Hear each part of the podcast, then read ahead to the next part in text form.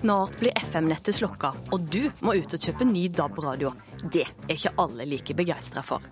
Det er akkurat det samme som jeg har hatt hele tida. Jeg får radio, men nå, nå går det via DAB-signalet. Men jeg hører jo akkurat det samme som før. Det syns jeg er rett og slett tullete.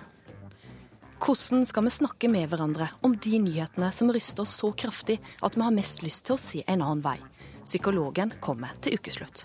Hvis du virkelig skal skeie ut en dag, hva spiser du da? Ja, da spiser jeg sjokolade og godteri. Mest sjokolade. Myndighetene bør gjøre mer for at folk skal spise sunnere, mener Landsforeningen for overvektige. Tull, svarer helsepolitiker. Folk må sjøl ta kontrollen om de vil ha en sunnere livsstil. Velkommen skal du være til ukeslutt. Jeg heter Ann Kristin Listøl, og vi skal òg innom Nobelfesten som er i gang. Men vi starter med DAB. For det er ingen vei tilbake. FM-nettet blir slukka for godt, selv om folk protesterer. De som ønska å utsette det hele, fikk ikke flertall, og Stortinget bestemte denne uka at jo da, vi slukker som avtalt. Men langt fra alle er like begeistra. Noen fordi de er bekymra for beredskapen, andre fordi de mener det er tullete å måtte kjøpe nye radioer. Du må spille ganske høyt for å, for å ha det i media på den måten. Det er ikke lydvolumet det står på når en stor og speilblank Harley Davidson-sykkel fyrer opp foran oss inni en liten garasje i Halden. Det går nok kanskje mest i P4 når jeg sitter og kjører. Det er lett musikk, eh, underholdning når du sitter og kjører. Med to svære høyttalere integrert i dashbordet på motorsykkelen kan radioentusiast Bent Skogli lytte til radio over buldringen fra motoren. Det er bare ett problem. Harley Davidson har sagt at uh, vi kommer ikke med noe DAB, i hvert fall ikke før mange flere land skal ha det. Så på min helt nye Harley Davidson, jeg, som er integrert radio i, der får jeg ingen DAB. Og det blir altså stille i radioen på motorsykkelen i løpet av neste år, etter at Stortinget onsdag holdt fast ved å begynne slukkingen av FM-nettet fra og med januar 2017. Men motorsykkelradioen er langt ifra den eneste som Bent må erstatte med DAB-teknologi til neste år. Så jeg får ikke hørt på radio der jeg vil. Jeg har eh, radio i boblebadet mitt, jeg har radio i bilen min, jeg har i båten. Og ingen av dem er DAB. I bilen da er det DAB. Man, man sammenligner det med at man gikk over fra VHS-kassetter til, eh, til, CD. Men jeg kunne fortsatt bruke min gamle VHS så lenge jeg ønska. Den slutta ikke å virke, den for det. Og nå skjønner jeg at det er en kostnadsspørsmål og slike ting, men eh, det har Norge råd til. Bent tar oss med til huset sitt, hvor det finnes en FM-radio i de fleste rommene. Også i dusjen. Her starter jeg dagen med å sette på inn i dusjen. Det er høyere i, i år enn det det var. Og elektronikk. Den er heller ikke DAB i. Nei. Så det blir stille på badet da framover? Ja. Og så, jeg, så er det kjøkkenet neste. Det er liten tvil om at det er mange FM-radioer som må byttes ut. Og ifølge Bent får han for lite igjen for å investere i DAB sammenlignet med å beholde FM-båndet. Jeg er en uh, teknologifrik. Når det kommer en ny iPhone, så skal jeg ha den neste iPhone uh, av det nyeste. For da får jeg faktisk noe nytt.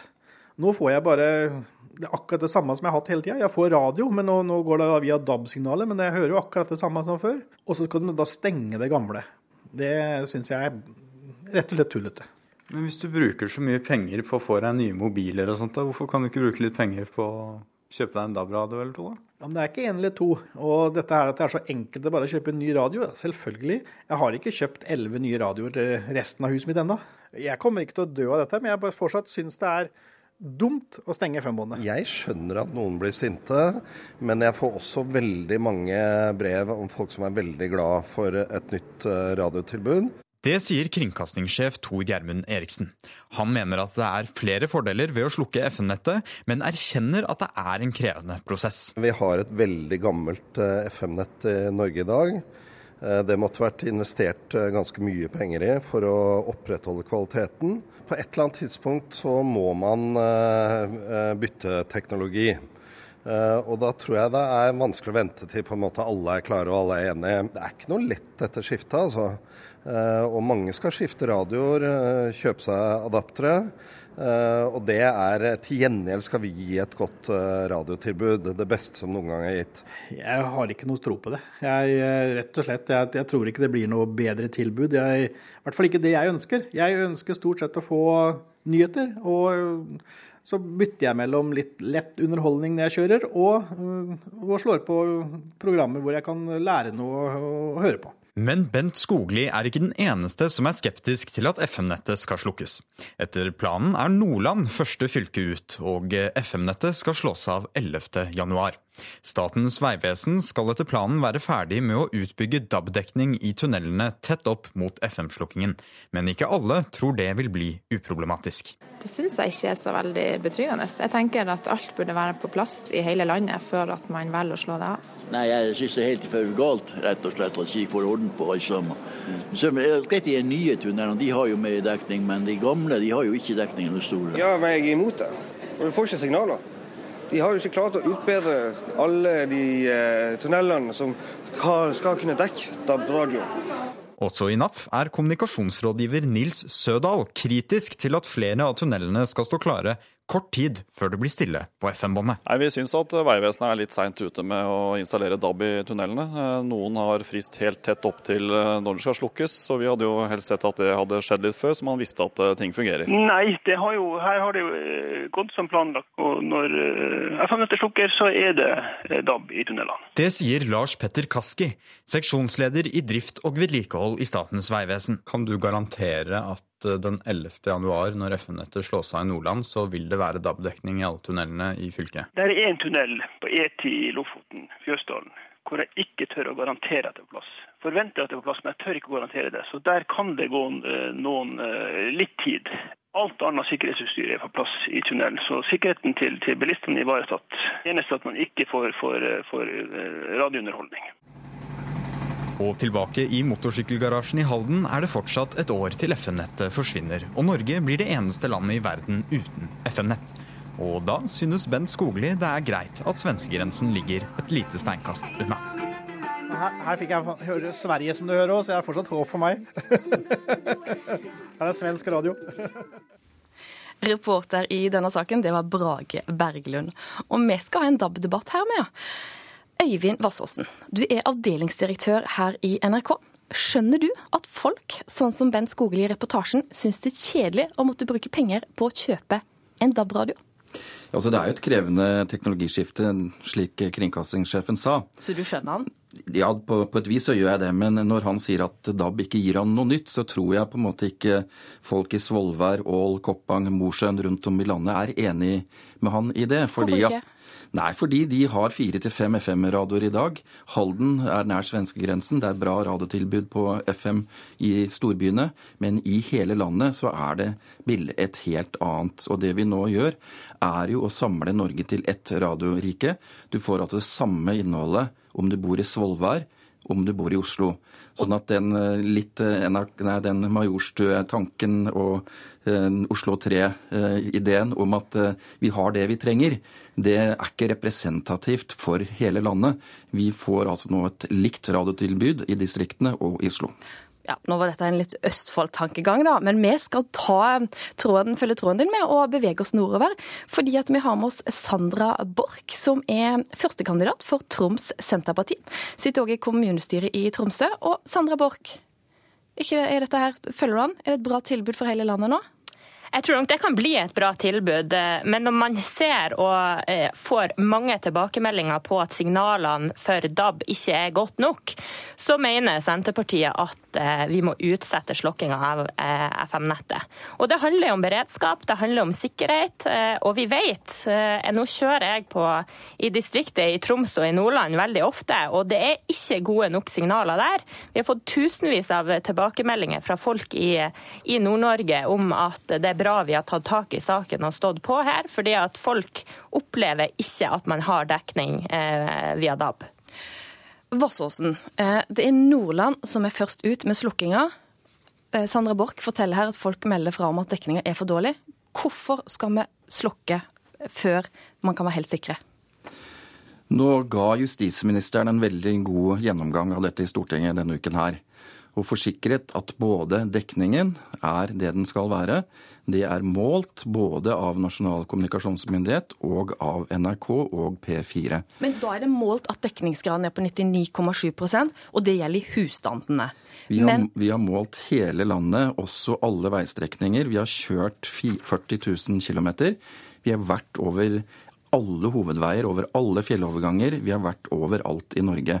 Og med riktig montert utstyr i bilen, så er dekningen slik den blir lovet i kartene, riktig. Men Sandra Borch, er det bare det at folk ikke har klart å stille inn DAB-en sin skikkelig? da? Er det derfor de ikke får dekning? Nei, nå kjører nå jeg med en eh, relativt ny bil med, med DAB. Og jeg, på min eh, vei rundt omkring i Troms så opplever jeg å ikke ha god dekning.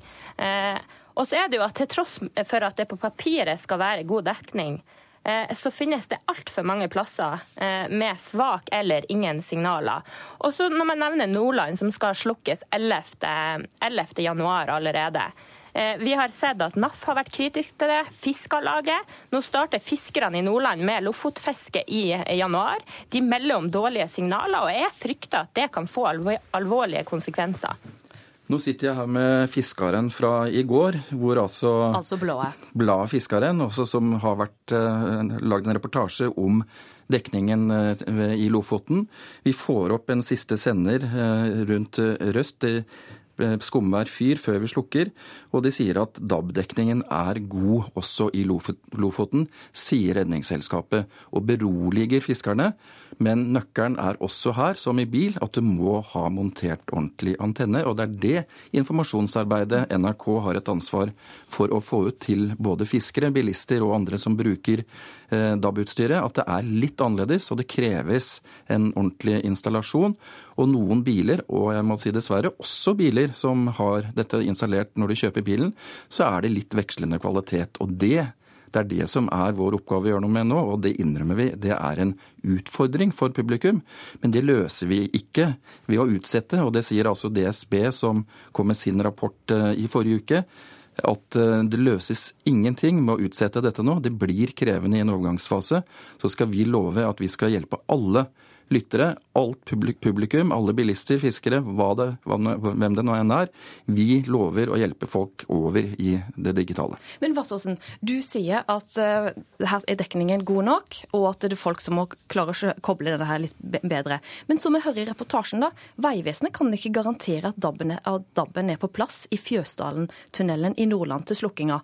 Hva vil du si til disse nordlendingene som skal kjøre der? For det første så er det Vegvesenet som har ansvaret for det. Eh, vi skulle gjerne ha sett at de var klare for flere år siden. Ja, men, Og de kan ikke garantere det? Jo, det er én tunnel som eh, de ikke kan få garantere at de får opp. og Her snakker vi om dager.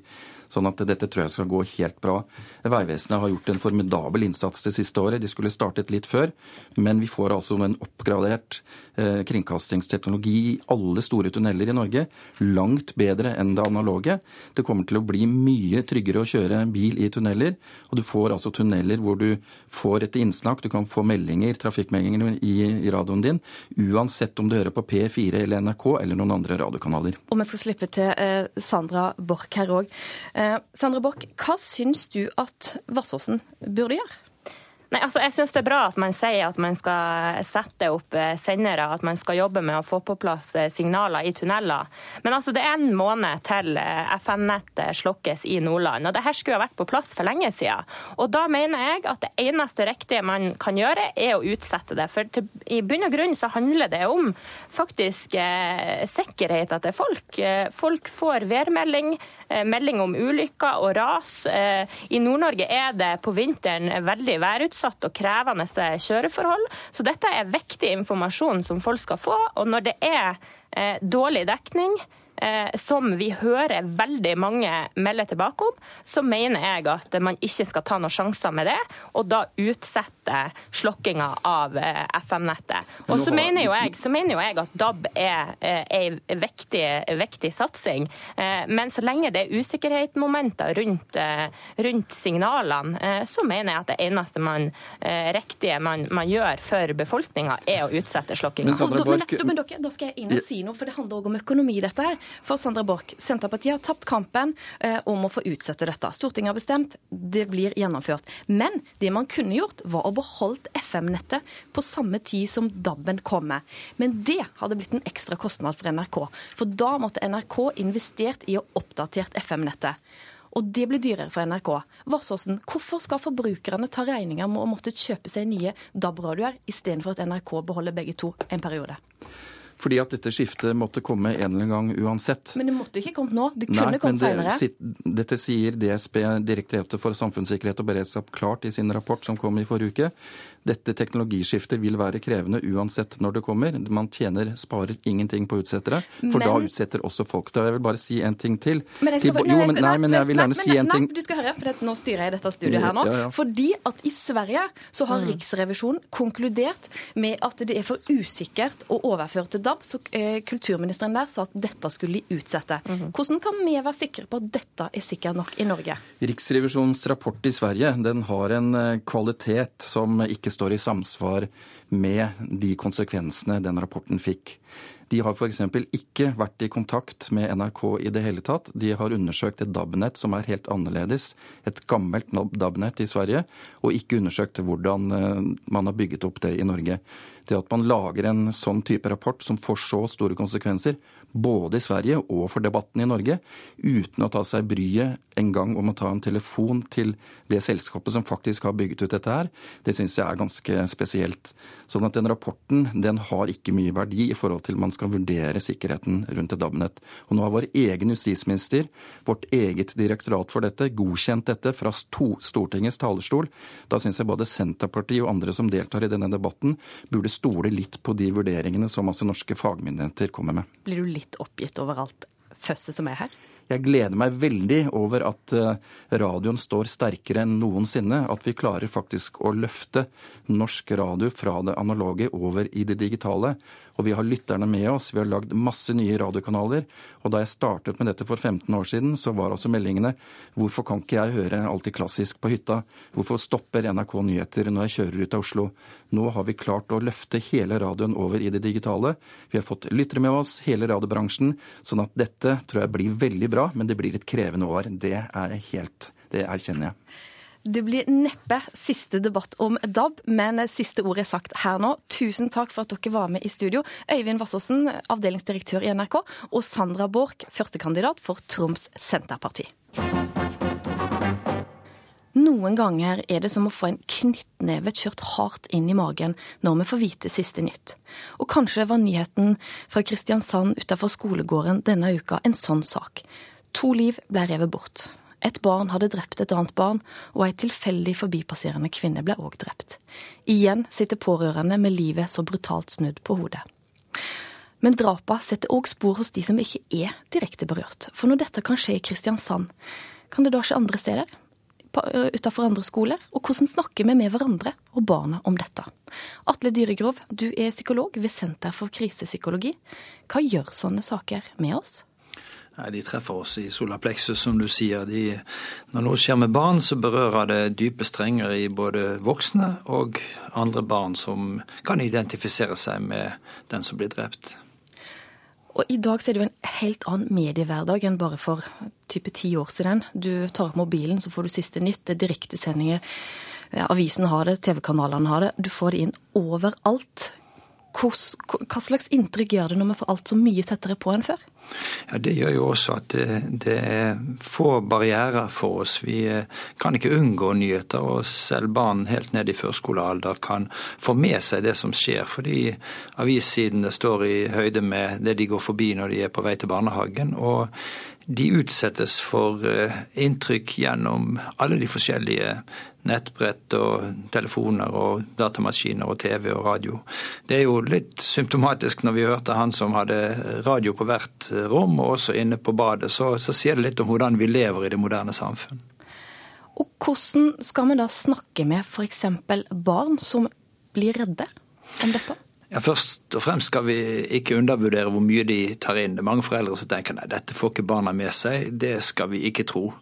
Eh, vi skal eh, selvfølgelig ta hensyn til det barn vi har, slik at vi ikke Et barn som ikke bryr seg så mye, skal ikke presses til å snakke om det, men vi skal ta som, for, som et utgangspunkt at barnet sannsynligvis har fått dette med seg.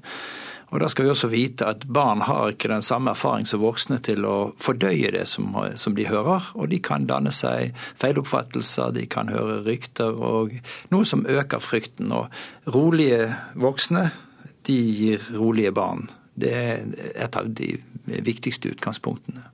Men hvis det, det er noen barn da, som de går i 5. klasse eller tiende klasse, som er redde for at oi, dette skjedde i Kristiansand, kan, kan det skje på min skole? Hva ja, sier vi da? Ja, Da skal vi si at det er veldig sjelden, og så må vi forklare hva sjelden er. Når... Ja, For det er ikke sikkert barn vet hva er? Nei, du er vel over ti år før de skjønner litt av det med prosent, at det er så veldig sjelden at noe skjer, eller sannsynlighet. Så da må vi kanskje bruke en forklaring som knytter det an til julen som kommer en gang i år, og si at det vet vi, det er sjelden når det kommer én gang i året. Men hva hvis det hadde kommet bare én gang hvert tiende år? Da hadde det vært enda mer sjeldent. Og det at barn blir drept på den måten, det er så sjelden at det ville være som om julen kanskje kom hvert 20. år, hvert 30. år. Altså Vi kan bruke litt illustrasjoner som gjør at de eh, skjønner at dette er ikke noe som er stor fare for. Men eh, voksne blir veldig skal du si, forskrekket når sånt skjer, og det gjør at vi reagerer på det. Og da ser de jo voksnes reaksjon også, slik at vi må fortelle at det er forskjell på å være redd og bli forskrekket. Eh, men det viktigste er at vi er eh, flinke med å gi de informasjon, ikke overstimulere de, men følge med hva som sies i media. Helt til å begynne med så er det jo ikke uklart hva som har skjedd, så skal ikke vi begynne å spekulere, men vi skal si at dette er det vi vet, og så får vi vente til vi vet mer. Og så skal vi møte deres spørsmål og sette av tid til, til barna, og litt overvåke hva de tar inn gjennom media også. Og så er det kanskje noen voksne som òg har behov for å snakke om ting. Hva, hva merker du der? Ja, det, det, er klart at det, det, gjør oss roligere når vi snakker om, med andre, for da får vi forståelse for at dette tenker andre på også. Eh, jeg tror det er viktig at voksne søker ut informasjon. og så skal en tenke på som voksen også at eh, det som er dramatisk, det overdriver vi faren for. Da tror vi det er stor fare for det, enten en flyulykke eller det er drap.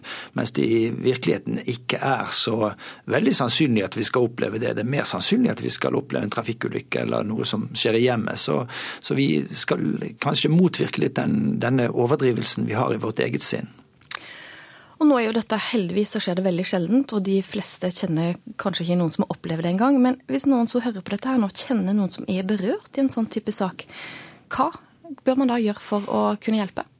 Ja, noe av det viktigste er selvfølgelig at en stiller opp, men kanskje ikke bruker all energien til å begynne med. For, for de som er direkte berørt, så er, er, det bare begynnelsen på et løp de er i nå. Og over tid så trenger de faktisk den støtten. slik at eh, det å tenke at OK, jeg skal gi hjelp, men jeg skal passe på at jeg er der også når noen måneder har gått. fordi da er det kanskje den vanskeligste tiden for de som er direkte berørt. Så det å huske på å hjelpe og være der over tid, og òg å tørre å snakke om ting, er kanskje to ting vi kan ta med oss. Atle Dyregrov, tusen takk for at du var med oss her i Ukeslutt. Hvert øyeblikk nå er det klart for at Colombias president Juan Manuel Santos skal ta imot fredsprisen her i Norge nærmere bestemt på Oslo rådhus, der folk fra hele verden er samla nå for å feire fredsprisvinneren. Reporter Martin Holvik, du er på Fredssenteret i Oslo, du. Og hvordan er det rundt deg nå? Her så serveres det kransekake og gratis kaffe. Det strømmer på med folk som skal være med og se direktesendingen som begynner nå klokken ett. Og blant annet så kom det inn to colombianere i regnponcho og med det colombianske flagget, og de var i virkelig godt humør.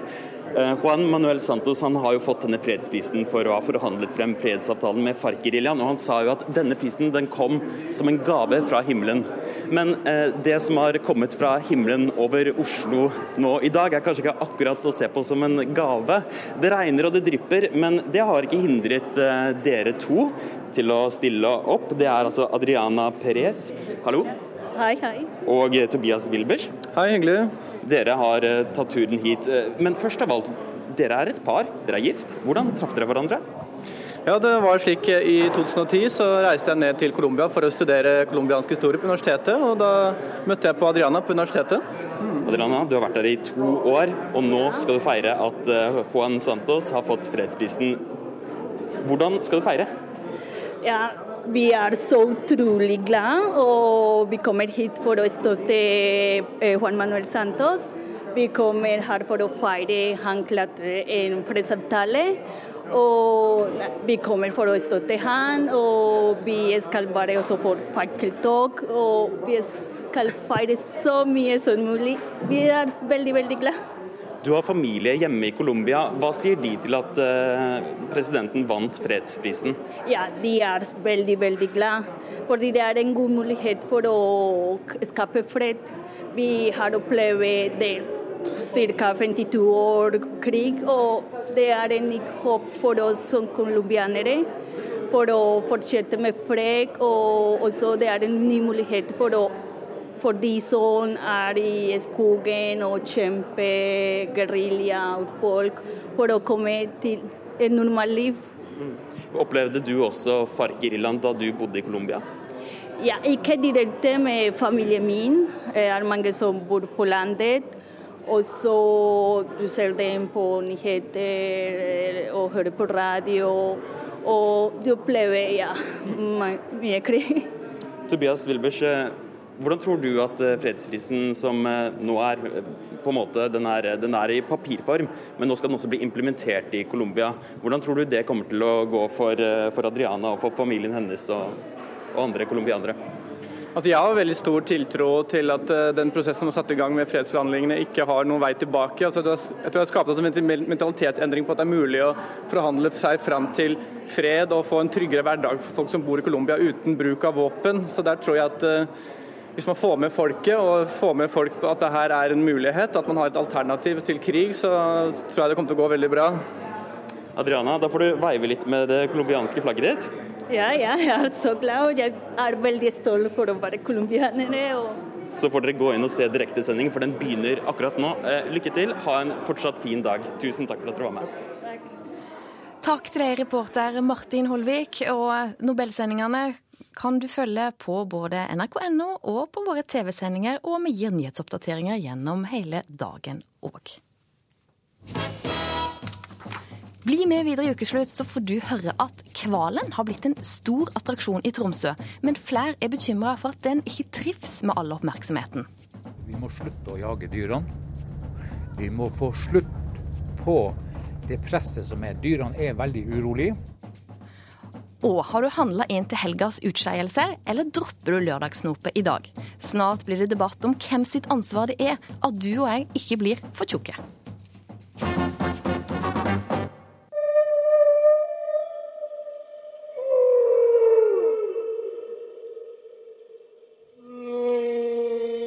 Dette er lyden fra en knølhval. Og knølhvalen er for tida travelt opptatt med å spise sild rett utafor Tromsø. Og når knølhvaler og spekkhoggere kommer på besøk, så er det selvfølgelig òg mange som vil se på de store sjøpattedyra. Ifølge Kystvakta så kommer rundt 1000 mennesker for å se hvalene hver eneste helg. Men er det greit at vi plasker rundt i hvalen sitt matfat? Reporter Kari Li hun har snakka med flere som er bekymra. I år har vært et spesielt år pga. at vi har hatt ganske begrenset med hval. Vi hadde lite sild som kommer inn, og mindre hval. Biolog og naturfotograf Audun Rikardsen har fulgt hvalene tett siden de kom inn i Tromsøfjordene i 2012. Han ser færre dyr nå, samtidig øker interessen for å se hval. Det er blitt flere turoperatører, veldig mange turoperatører. Og det er også veldig mange lokale som syns det her er spennende å være ute. Og spesielt i helgen når du har kombinasjon med mye båter og lite hval, så blir det ofte at det blir veldig mange båter på veldig få hval. Er det en ålreit situasjon for hvalen? Nei, det er jo egentlig ikke det. Altså, når du blunder og forstyrrer og kjører oppå de, og hvis det blir sånn konkurranse mellom båtene som kommer først, så, så kan det bli en fare.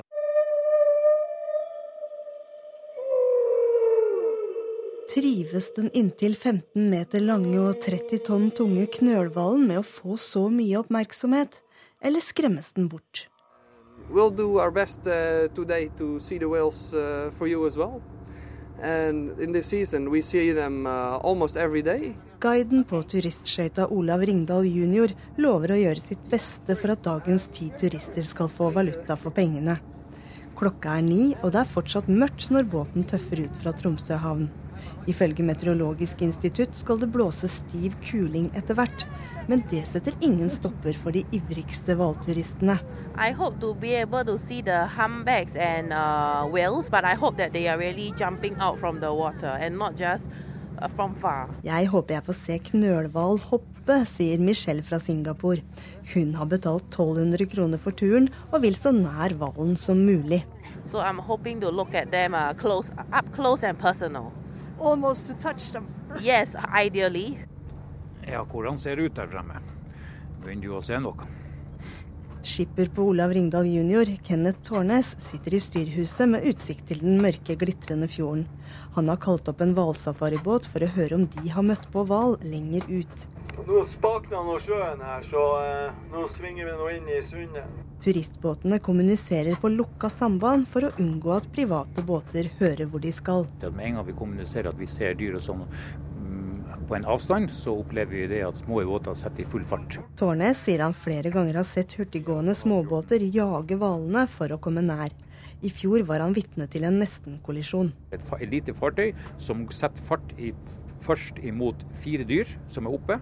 Dyrene går ned. Så ser han en blås, så setter han ny kurs imot. Har en hastighet på mellom 20 og 25 knop. Eh, og plutselig så dukker dyret opp rett attmed han og speiver til han. Så båten legges over ende. Det er bare tilfeldighet at det her gikk bra. Safaribåtskipperen mener nærgående båteiere stresser hvalen så den ikke får gjort det den skal, nemlig å spise sild. Vi må slutte å jage dyrene. Vi må få slutt på det presset som er. Dyrene er veldig urolige. På YouTube og Facebook finner jeg videoer av fritidsbåter med kraftig motor som følger etter hval og spekkhogger. En båt med tyske turister ligger lenge tett på en hval som ligger helt i ro. Visit Tromsø anbefaler lav eller ingen fart i nærheten av hvaler. Sovende eller hvilende dyr skal ikke forstyrres. På Olav Ringdal juniors dekk står ti turister i hver sin lånte varmedress og holder utkikk. Foran baugen ligger Kifjorden grå som bly og venter på det varsla kulingværet. I guess the whales are actually quite adapted to having all the boats and vehicles. Hvalturist Michelle tror hvalene er blitt vant til all trafikken. Vi skal jo bare se, ikke fange dem. We are not going to kind of captive them or catch them. They are uh, 800 meters uh, straight ahead of us. Yeah, you can see. Matrosen har fått øye på noe, og alle går i baugen for å se. Kan det være en knølhval langt der framme? jeg skulle finne et bilde hvor det er to oppblåsbare gummibåter som er overfylt med, med folk om bord. Inne i styrhuset blar Kenneth Tårnes i bilder på mobilen som viser det han mener er uvettig kjøring av småbåter. Den lille båten som kom eh, kjørende der, da. Hva var det? Det er en ribb som kommer i full fart eh, der hvor hvalene er. Hva bør gjøres med dette, da? Myndighetene må inn og sette inn restriksjoner på eh, mindre fartøy hvor de får lov å gå når det, når det er vinter. Det er måten å gjøre det på, og så inn med fartsbegrensning i forhold til når i nærheten av hval. Noen vil si at du tjener jo gode penger på eh, hvalturisme. At du da ikke vil ha noen konkurrenter. Når du ser de bildene her, så vi har så mye folk at vi sender folk videre. Mm. Så eh, for vårt vedkommende så handler det om å vi vil forebygge og forhindre at det skjer en ulykke. Men er det noen som passer på at trafikken rundt hvalene i Tromsøfjordene ikke blir som en på Facebook skriver Gale-Mathias? Jeg har fått en hjelm på hodet og holder meg fast i en ribbåt som henger i lufta. Sånn mottas gjester på det grå kystvaktskipet Heimdal. Einar Andreassen, skipssjef KV Heimdal. Skipssjef Andreassen ser ofte hval fra sin post på brua. Ja, det er klart. Vi er jo midt i smøret. Vi ser jo både spekkhogger og knølhval eh, daglig. For tida passer mannskapet på KV Heimdal på at sildefisket går riktig for seg, men Andreassen har lagt merke til den økende hvalturismen. Eh, vi, vi kan jo eh, si at det dreier seg om eh, oppimot 1000 turister ute på en eh, godværsdag, gjerne i helg. Og det er ganske mye i, i fjordene. Er det behov for å ha et regelverk? Strengt tatt skal det jo ikke være, men eh, hvis det, det blir overdimensjonert så eh, er det vel eh, på sin plass. Ifølge Klima- og miljødepartementet er det opp til fylkesmannen i Troms å innføre eventuelle begrensninger rundt hvalturismen. Men ifølge fylkesmannen oppretter de ingen sak så lenge de ikke får noen klager på båttrafikken rundt hvalene.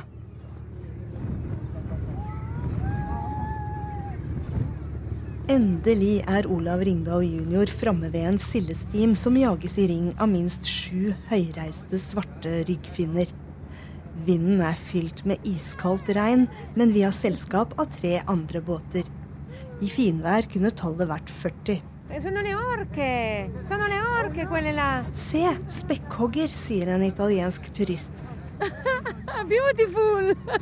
but not not the whole thing yet. It's only the, the, the tail or the fins of them. Michelle fra Singapore ser ingen hoppende knølhval, men synes likevel hun har fått en opplevelse for livet. And it's quite amazing to see that they are actually larger than life. It's really huge. På dette TV-klippet fra NRK hopper biolog Audun Rikardsen ned i sjøen og dykker med noen store knølhvaler. Det har faktisk hendt at jeg var så nært at jeg kunne ha tatt på de, så det er veldig spesielt. Rikardsen råder folk til å ikke stresse dersom de skal oppleve hval. Ja, altså Det bør, jo være en, en, bedre form for litt for regulering, iallfall retningslinjer. Og Det som mange faktisk kanskje også glemmer i denne sammenhengen, også, det er jo en ting i forhold til hvalen som kan forstyrre den. Men eh, det å holde moderat fart, i alle fall i områder hvor det er mye hval, er også en eh, sikkerhet overfor egen sikkerhet. På grunn av at det, det, hjelper veldig lite med gode kart, sjøkart og sånt når det plutselig er mange nye skjær som beveger seg. Og Treffer du en hval i høy hastighet med båt, så kan det i verste fall bety få veldig alvorlige kvenser, både for hvalen, men ikke minst også for de som er om bord i båten. Så det er også et, eh, et sterkt argument for å være litt forsiktig.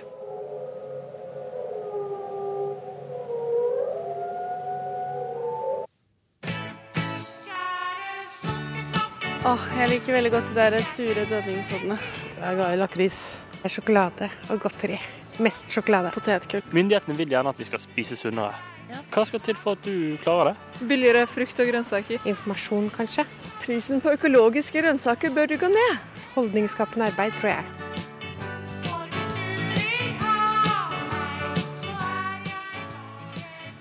Du bør spise mindre sukker, du bør spise mindre salt, og ja, du bør spise mindre fett. Du har nok hørt det før, men følger du råda? Myndighetene vil jo ha oss til å bli sunnere, og denne uka signerte helseministeren og næringslivet en avtale der de skal jobbe for enda sunnere mat til oss i dagligvarebutikkene. Men nytter det? Mari Mette Graff, du er leder i Landsforeningen for overvektige. Du sier det er veldig bra med gode intensjoner, men at dette er ikke nok. Hva mer konkret ønsker du at man bør gjøre? Jeg registrerer jo at Landsforeninga for overvektige er helt på lag med de folkene som blir spurt. Vi ønsker mer kunnskaper, og vi ønsker prisregulering sånn at frukt og grønt blir billigere. I tillegg så ønsker vi i Landsforeninga at rent kjøtt og ren fisk skal bli billigere. Det er jo ikke uvanlig det her med at man griper til strukturelle tiltak for å regulere folks atferdsmønster. Ja, Sveinung Stensland, du er helsepolitiker, representerer Høyre. Bør man ikke ha litt billigere, la den sunne maten bli billigere for å få folket sunnere? Jeg tror det viktigste vi kan gjøre, det som den ene sa i introen her, at dette med holdningsskapende arbeid, at folk sjøl eh, vet hva som er best for seg sjøl. At folk sjøl tar et større ansvar for sitt eget kosthold. og at at folk skjønner at de valgene du gjør hver dag, de får betydning for din egen helse. Det gjelder både når det gjelder alkoholkonsum, mat og røyking og alle andre ting. Så er det faktisk sånn at det er du sjøl som bestemmer hva du velger å ta inn i kroppen din. Så du tror ikke det funker å liksom la snopet bli dyrere og la frukta bli billigere? Eh, jo, det funker sikkert det, men eh, nå er det engang sånn at vi har verdens høyeste avgifter på sukker allerede. Vi har en veldig høy avgift på sukkervarer. Det er jo en grunn til at folk kjører i kø over Svinesundbrua for å handle godis i Sverige. Det er jo fordi at det er mye billigere i Sverige. Så, så vi har jo gjort dette. Og Spørsmålet er om vi skal øke prisene enda mer, eller om vi skal kanskje se litt på at folk kan tenke litt sjøl. Og så Når det gjelder det, det, arbeidet som helseministeren har satt i gang med dagligvarebransjen, det tror jeg veldig på. Det, det, første som han satte i gang, det var jo arbeidet for å redusere saltinntak. Og da har han jo allerede gjort det. Bare, bare gjennom Grandiosa, som mange spiser, har han jo kutta tonnevis med salt bare med å ta ned saltinnholdet der. Du ser på yoghurt eh, som er stor, en stor vare. Nå har eh, meieriene nærmest slåss for å ta ned sukkerinnholdet i yoghurt. Den type arbeid har jeg tro på. Litt skryt her fra deg da, til disse aktørene her. Men Mari Mette Graff, Stensland her, han sier at eh, nei, man, dette handler om holdninger, man må ta ansvar sjøl òg. Hva sier du til det? Nei, det jeg tenker, Sveinung, når du sier de tingene det her, at hvor lenge tenker du at vi har tid til å se om folk kan tenke sjøl, som du sier? Eh, jeg tror at folk eh, er vanskelig å snu hvis du tenker at vi har eh, langt igjen å gå. fordi det har vært massiv informasjon. Det er et enormt sosialt press om å være tynn. Likevel så ser vi at fedmebølgen slår over landet. Vi blir tjukkere og tjukkere. Forekomsten av sukkersyke øker. Før så kalte vi diabetes 2 for gammelmanns sukkersyke. Det er nå helt vanlig at også barn får. Da bør alarmklokkene ringe. De skulle ha kimt himmelhøyt for lengst. Ja, hvorfor ikke litt kraftigere lut, Stensland? Jeg tror den dagen vi gir opp at folk skal tenke sjøl, ja, da, da, har vi gitt opp mye. Eh, vi må ikke tro at det ikke folk kan tenke sjøl. Vi må faktisk appellere til at folk skal ta mer ansvar. Men det har vi jo sagt tror, i mange år, ja, og så ser vi at det ikke er nok, ja, godt nok. Men da har vi altså gjort ganske mye av det som er etterspurt allerede. Og som sagt så ligger vi allerede skyhøyt på sukkeravgifter allerede. Og hvis det hadde vært løsningen, så hadde vi jo kanskje ikke hatt den utviklingen. Jeg tror igjen at folk må lære seg å ta ansvar sjøl.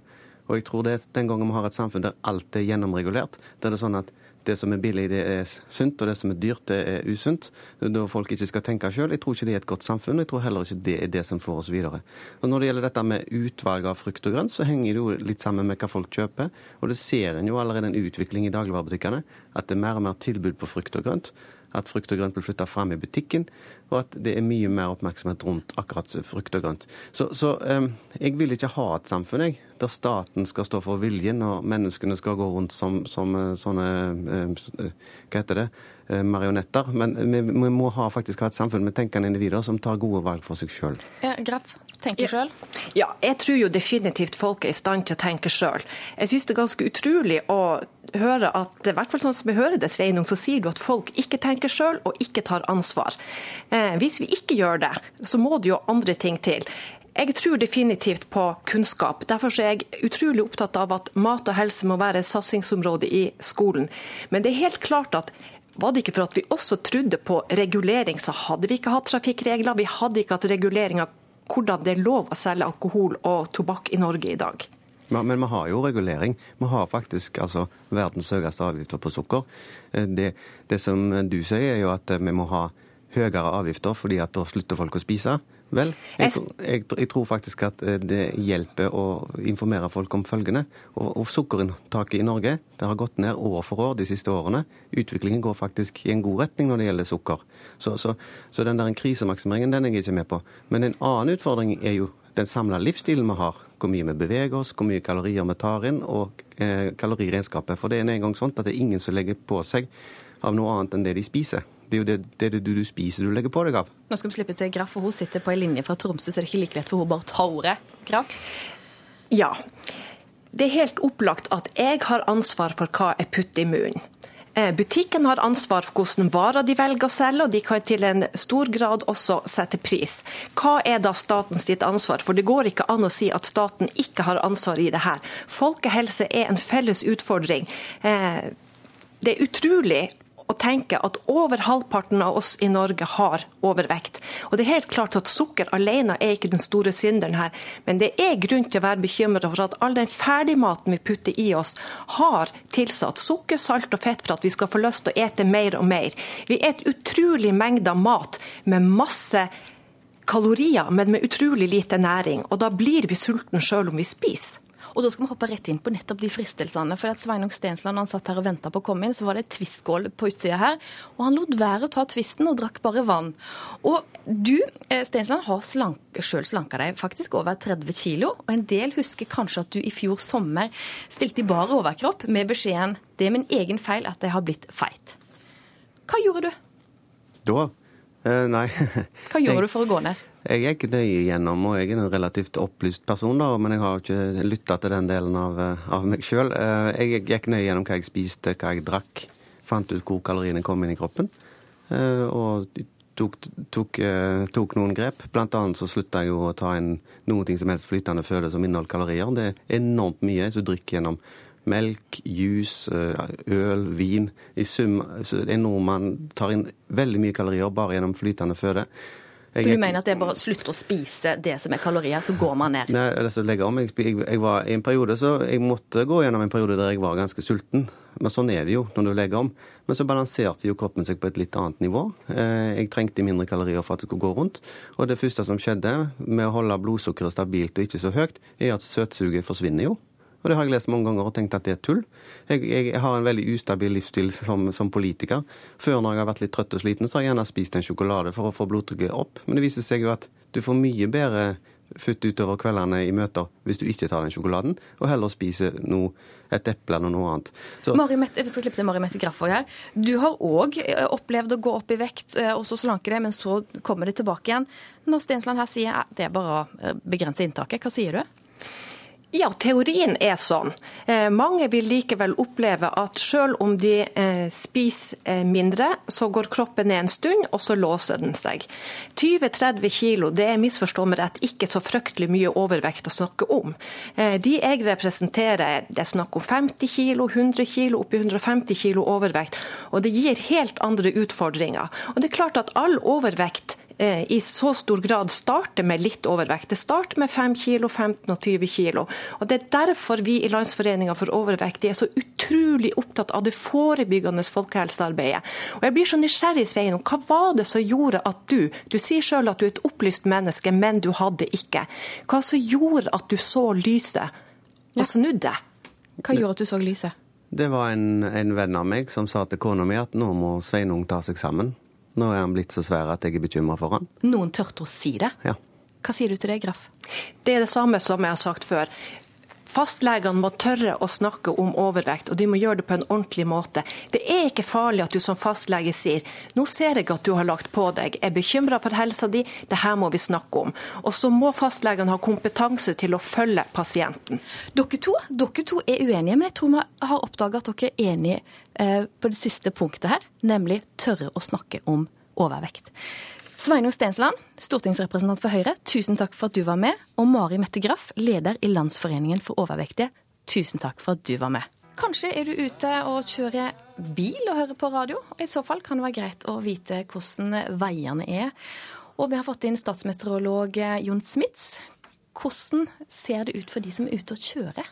Det kan være litt vrient enkelte steder på Østlandet, for her er det nedbør i form av regn. Det gjelder særlig de østlige delene nå av Østlandet, noen timer framover også. Og det er ja, sånn uggen temperatur rundt null, og bakken er kald, så det, det fryser på enkelte steder. Så jeg tror de store veiene antageligvis er preparert med salt og strødd og sånt, men det kan være mindre veier, så plutselig kan det komme overraskende, for det er vanskelig å se den der is ishinna. Grunn til å kjøre forsiktig. Ta det med ro, i hvert fall. Spitsbergen, ja, der går det nok antageligvis litt greiere. Det er oppholdsvær i dag. I morgen kommer det litt snø i de vestlige områdene. Nord-Norge, her fortsetter det med snøbyger i området nord for Vestfjorden. Først og fremst i ytre strøk og få byger i de indre områdene. Men i morgen ettermiddag så kan det nok være at nedbøren brer seg inn mot indre Troms og også mot eh, indre deler av Vest-Finnmark. Det blåser ifra nord med korte perioder med kuling på kysten, og i kveld så kan vi kanskje komme opp i nordvestlig forbigående liten storm eh, i Vest-Finnmark. Det kommer et polart lavtrykk, et lite intenst lavtrykk i kaldlufta ifra nord, og da får vi også forsterkning av snøbygene. Sør i Nordland, her venter vi mye fint vær, og det blir oppholdsvær i dag også nord i Trøndelag, mens sørlig del av Trøndelag får litt eh, sludd og snø, men med regn da på kysten. Går vi videre sørover til, eh, eller ser på morgendagen i Trøndelag først, da, så trekker nedbøren sørover igjen, så da blir det etter hvert oppholdsvær. Vestlandet, her er det nedbør i dag som regn, snø over 700 til 1000 meter. I morgen formiddag blir det oppholdsvær i Møre og Romsdal, og så trekker oppholdsværet seg videre sørover på Vestlandet i løpet av dagen. Østafjell så venter vi etter hvert oppholdsvær nå også i de østlige områdene. Så når det gjelder da morgendagen, så kommer det litt sludd eller snø som beveger seg sørover igjen, faktisk, fra nordlig del av Oppland og Hedmark. Og det kommer nok da som regn i de sørligste områdene. Men på kvelden så blir det helt oppholdsvær over hele området. I fjellet litt eh, snø i vest og nord i dag. I morgen eh, litt snø, men så blir det oppholdsvær først i nord, og fra ettermiddagen også sørover i Langfjella. Tusen takk for at du har hørt på Ukeslutt. Ansvarlig for sendinga, Jaren Ree Mikkelsen. Teknisk ansvarlig, Hans Ole Hummelvold. Jeg heter Ann Kristin Listøl, og vi i Ukeslutt-redaksjonen håper du får ei strålende helg. Ha det bra.